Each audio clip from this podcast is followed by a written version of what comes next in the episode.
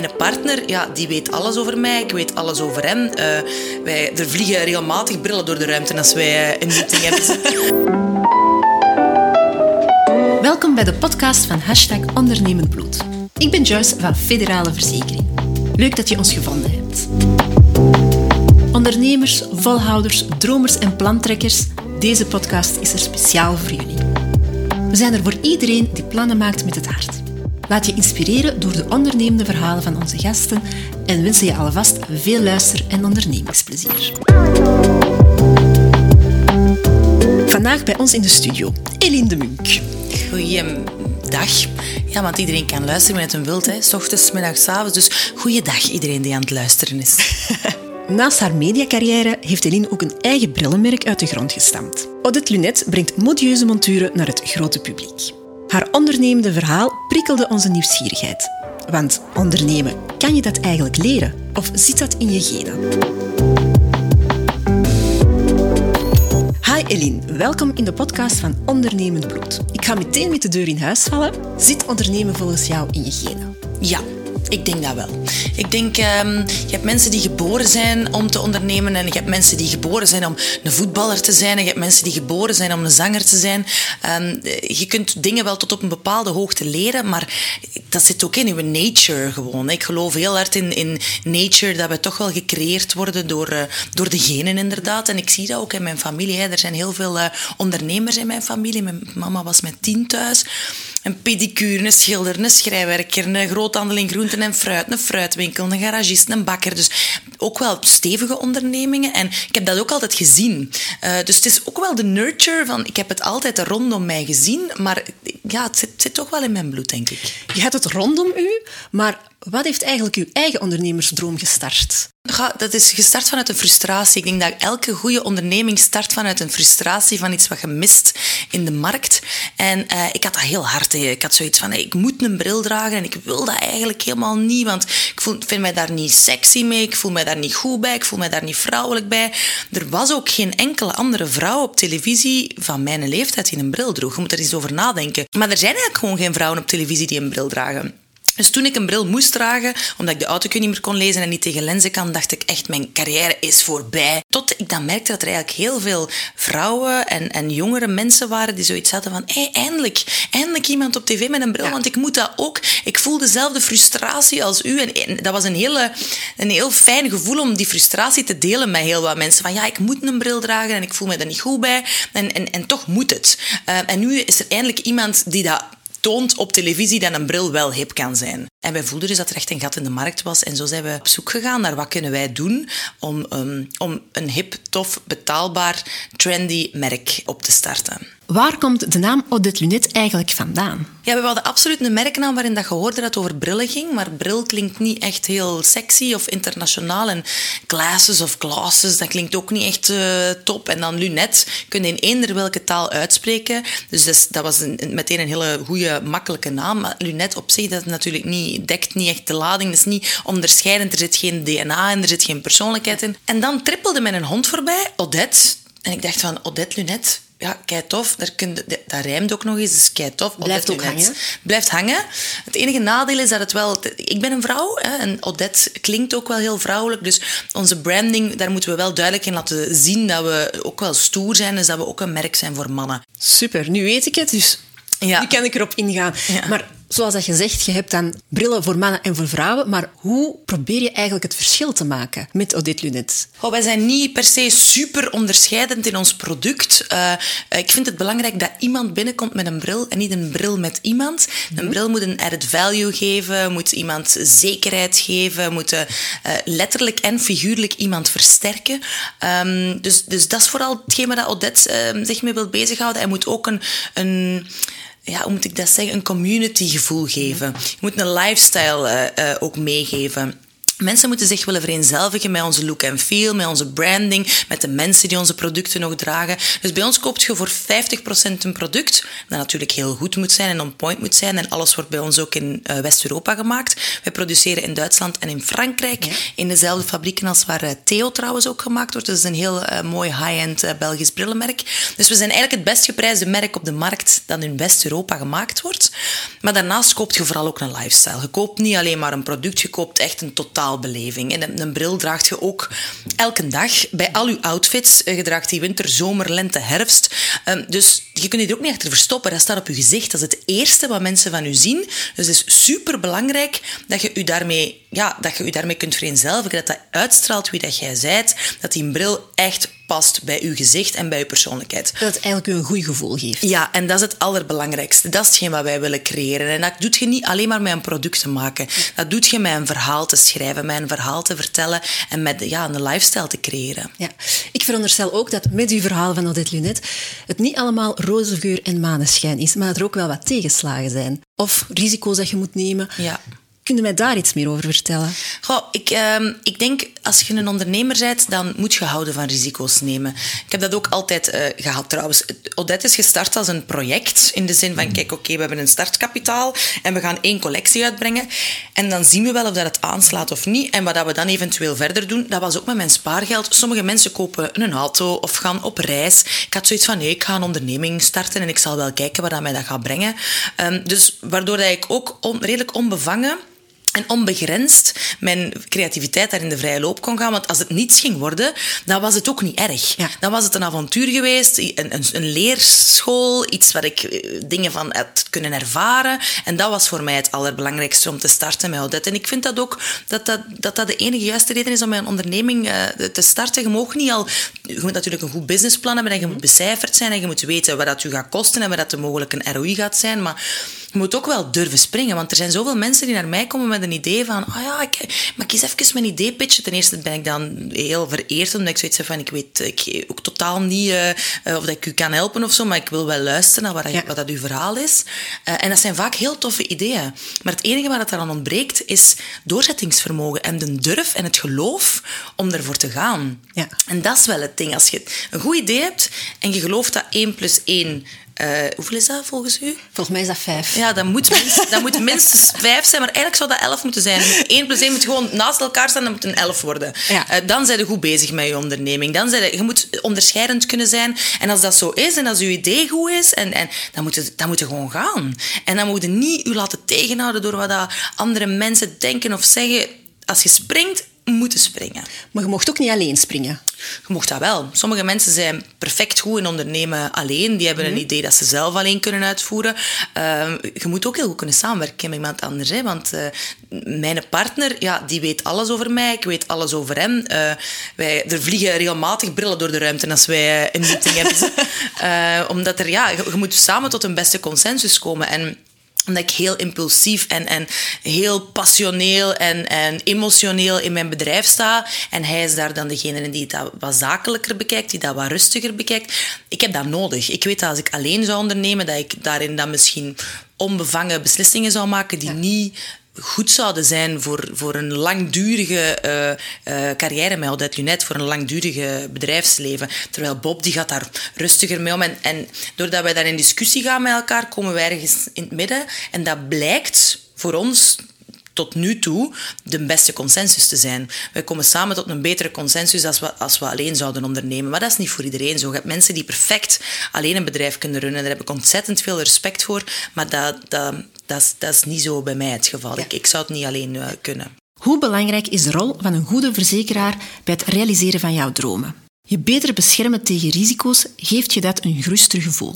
Absoluut. Een goede verzekeraar is heel belangrijk. We hebben heel veel stok in huis. Uh, die moet verzekerd worden natuurlijk. Uh, we moeten ervoor zorgen dat alles veilig is. We hebben agenten op de baan met collecties van ons. Uh, als er ingebroken wordt in hun auto bijvoorbeeld en die collecties zijn weg, moeten wij zorgen dat dat verzekerd is. En dat die, onze agenten verder kunnen werken, dat die zo snel mogelijk een nieuwe collectie hebben en dat dat voor ons en voor hen niet te veel geld kost. Dus zeker en vast. Geeft u waarschijnlijk ook een veel rustiger gevoel?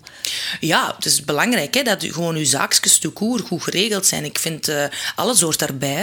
Uh, je kunt je wel een goed idee hebben en naar de buitenwereld alles perfecter laten uitzien, maar het moet achter de schermen ook wel geregeld zijn. Hè? Het moet verzekerd zijn. Je moet zorgen dat uw mensen hun lonen allemaal deftig in orde zijn, dat iedereen weet wat ze moet doen. er is zoveel te regelen achter de schermen. Het is niet alleen maar het, het plaatje wat de mensen zien. het is echt wel alles tot in de puntjes regelen, zodat iedereen zo gelukkig mogelijk en zo goed mogelijk zijn werk kan doen.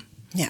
Nu, iets anders. Wat is volgens u tot nu toe, want ik veronderstel dat er nog een hele toekomst is voor Odette Lunet. Dat is de bedoeling. Voilà. Het mooiste moment van het merk? Het mooiste moment van het merk was de lancering. Hè. Ja, zeker. Dat was fantastisch. Dat is, um, ik had heel graag willen zeggen ons vijfjarig uh, jubileum.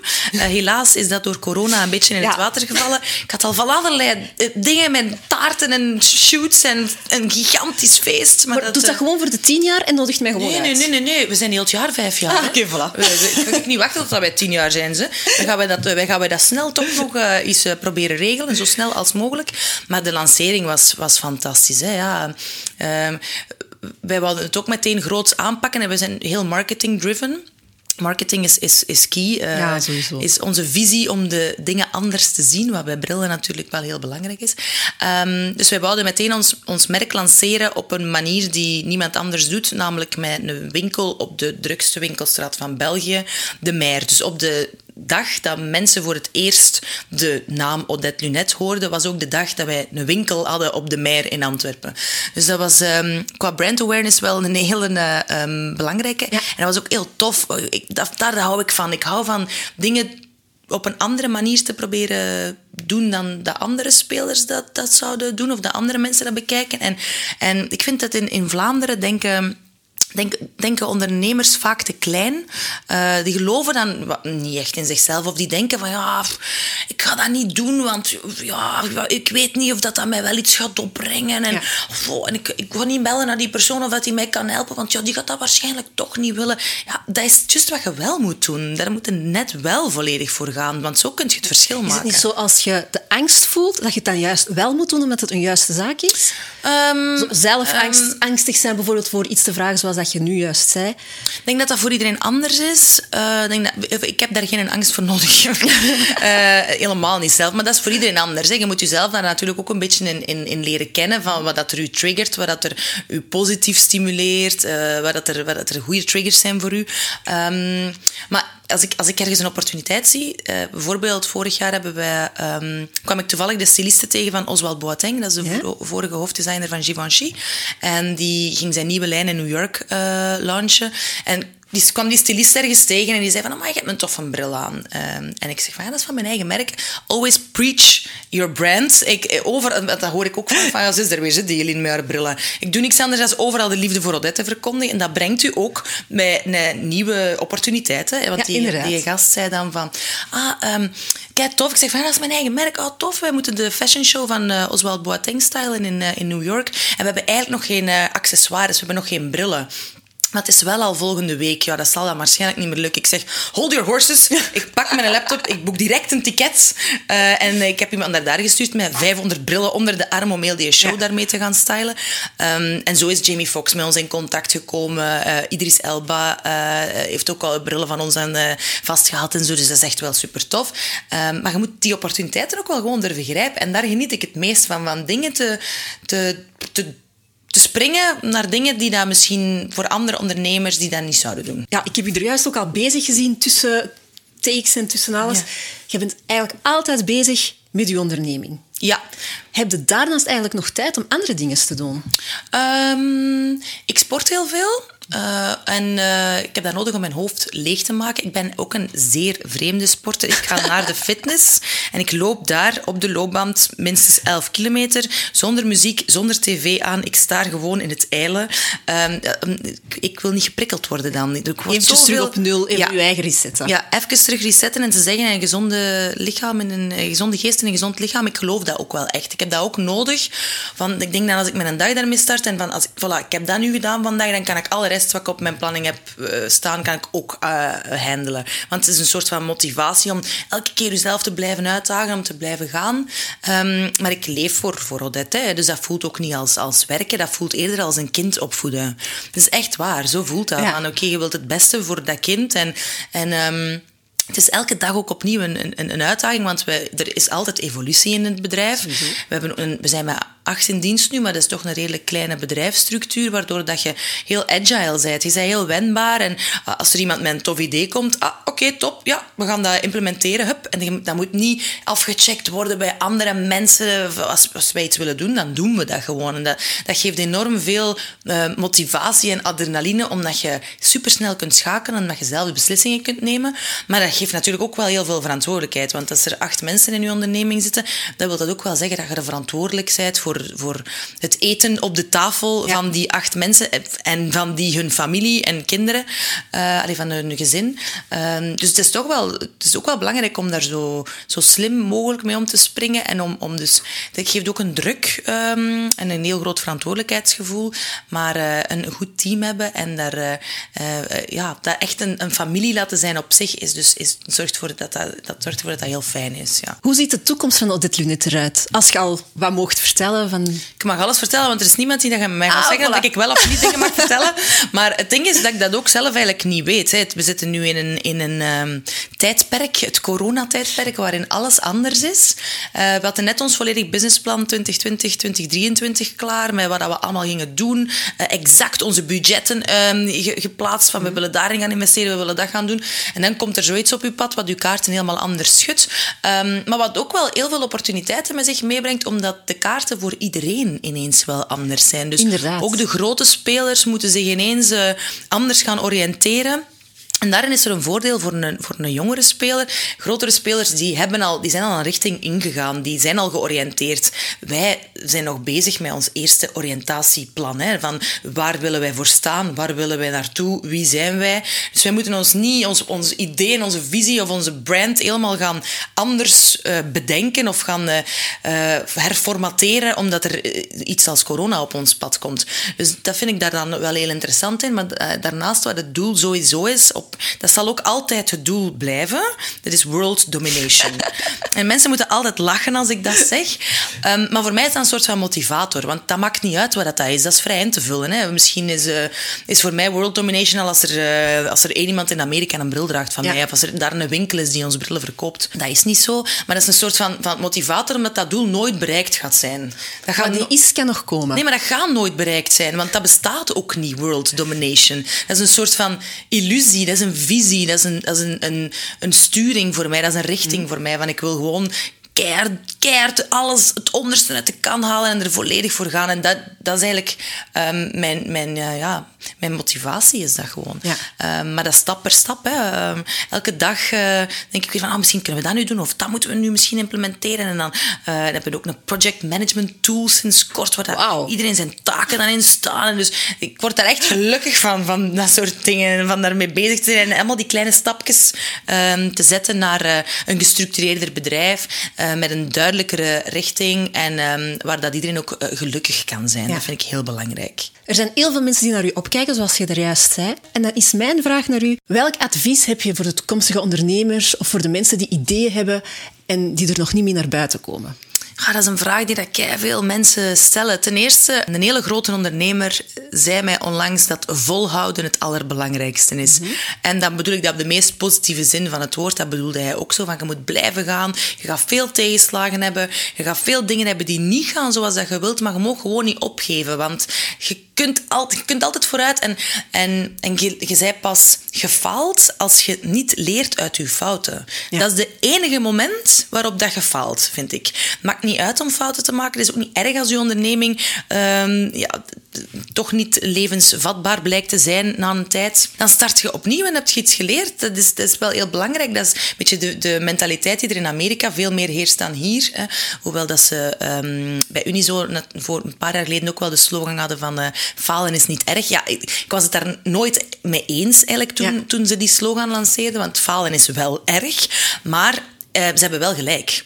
Uh, falen mag je niet tegenhouden om gewoon verder te gaan. Je moet gewoon het falen anders invullen. Falen is niet leren uit je fouten. Punt. En als je leert uit je fouten, dan ga je gewoon verder. En dan doe je iets anders. Of dan, eh, motivatie is dus heel belangrijk, vind ik. Mensen moeten geloven in zichzelf um, en, en durven springen. Dat, dat zijn de belangrijkste tips die er zijn. Gewoon geloof in je eigen. Als je echt een goed idee hebt waarin dat je zelf gelooft en je hebt het goed doordacht, je hebt een financieel plan, je hebt een, uh, een structureel plan, hoe dat je het gaat aanpakken, dan moeten we er gewoon voor gaan. Punt. Heel veel ondernemers of, of, of, werknemers bedoel ik, die goede ideeën hebben, die durven dat dan niet uit, omdat ze niet weten van, ja, wat gaat dat brengen? Ga ik nog wel inkomsten hebben? En ja, weet je, wij leven in een, in een land, in België, waar dat er zoveel kansen zijn voor iedereen, waar dat er zoveel ondersteuning is op heel veel vlakken.